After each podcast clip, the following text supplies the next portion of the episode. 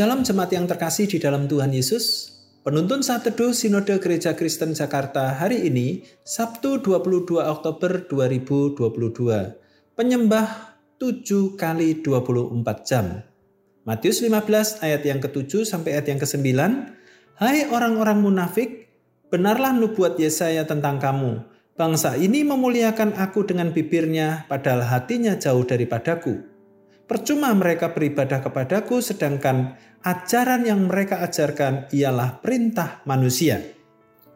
Kolose 3 ayat yang ke-23, Apa pun juga yang kamu perbuat, perbuatlah dengan segenap hatimu seperti untuk Tuhan dan bukan untuk manusia. Banyak orang Kristen terlihat aktif beribadah dan melayani Tuhan di gereja. Namun kehidupannya di luar gereja tidak sama dengan kegiatan ibadahnya. Di dalam kesehariannya tidak menjadi berkat baik itu di keluarga, tempat kerja atau lingkungan masyarakat.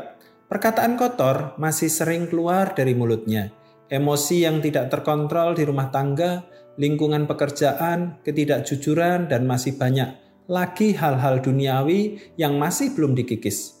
Seringkali apa yang didengar dalam ibadah minggu tidak terjadi di hari-hari lainnya. Inilah kemunafikan itu. Tampak luar saja sebagai pelayan yang hebat, tetapi sikap hidupnya sehari-hari tidak ada bedanya dengan orang-orang yang belum mengenal Tuhan. Masih banyak orang yang sempit memahami arti sebuah ibadah.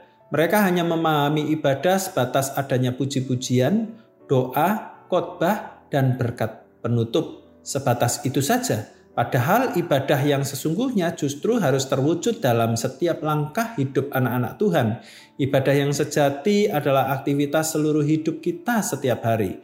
Semua yang kita lakukan harus dalam rangka memuliakan nama Tuhan, Memuliakan Tuhan tidak hanya saat mengikuti ibadah di gereja saja, melainkan pada saat kita makan, minum, bergaul, studi, bekerja, dan sebagainya. Apa pun juga yang kita lakukan, kita harus sungguh-sungguh melakukannya dengan totalitas segenap hati seperti untuk Tuhan, bukan hanya untuk manusia semata.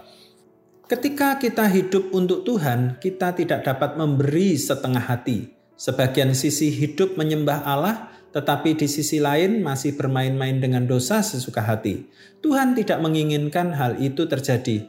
Biarlah kita secara terus-menerus dalam setiap langkah memakai hidup ini sebagai persembahan yang nyata dan wujud ucapan syukur terbaik atas anugerah Tuhan yang luar biasa. Kalau Tuhan telah berkorban untuk kita sepenuh hati, mengapa kita membalas kasihnya dengan setengah hati? Selamat beraktivitas jemaat. Tetap semangat. Tuhan Yesus memberkati.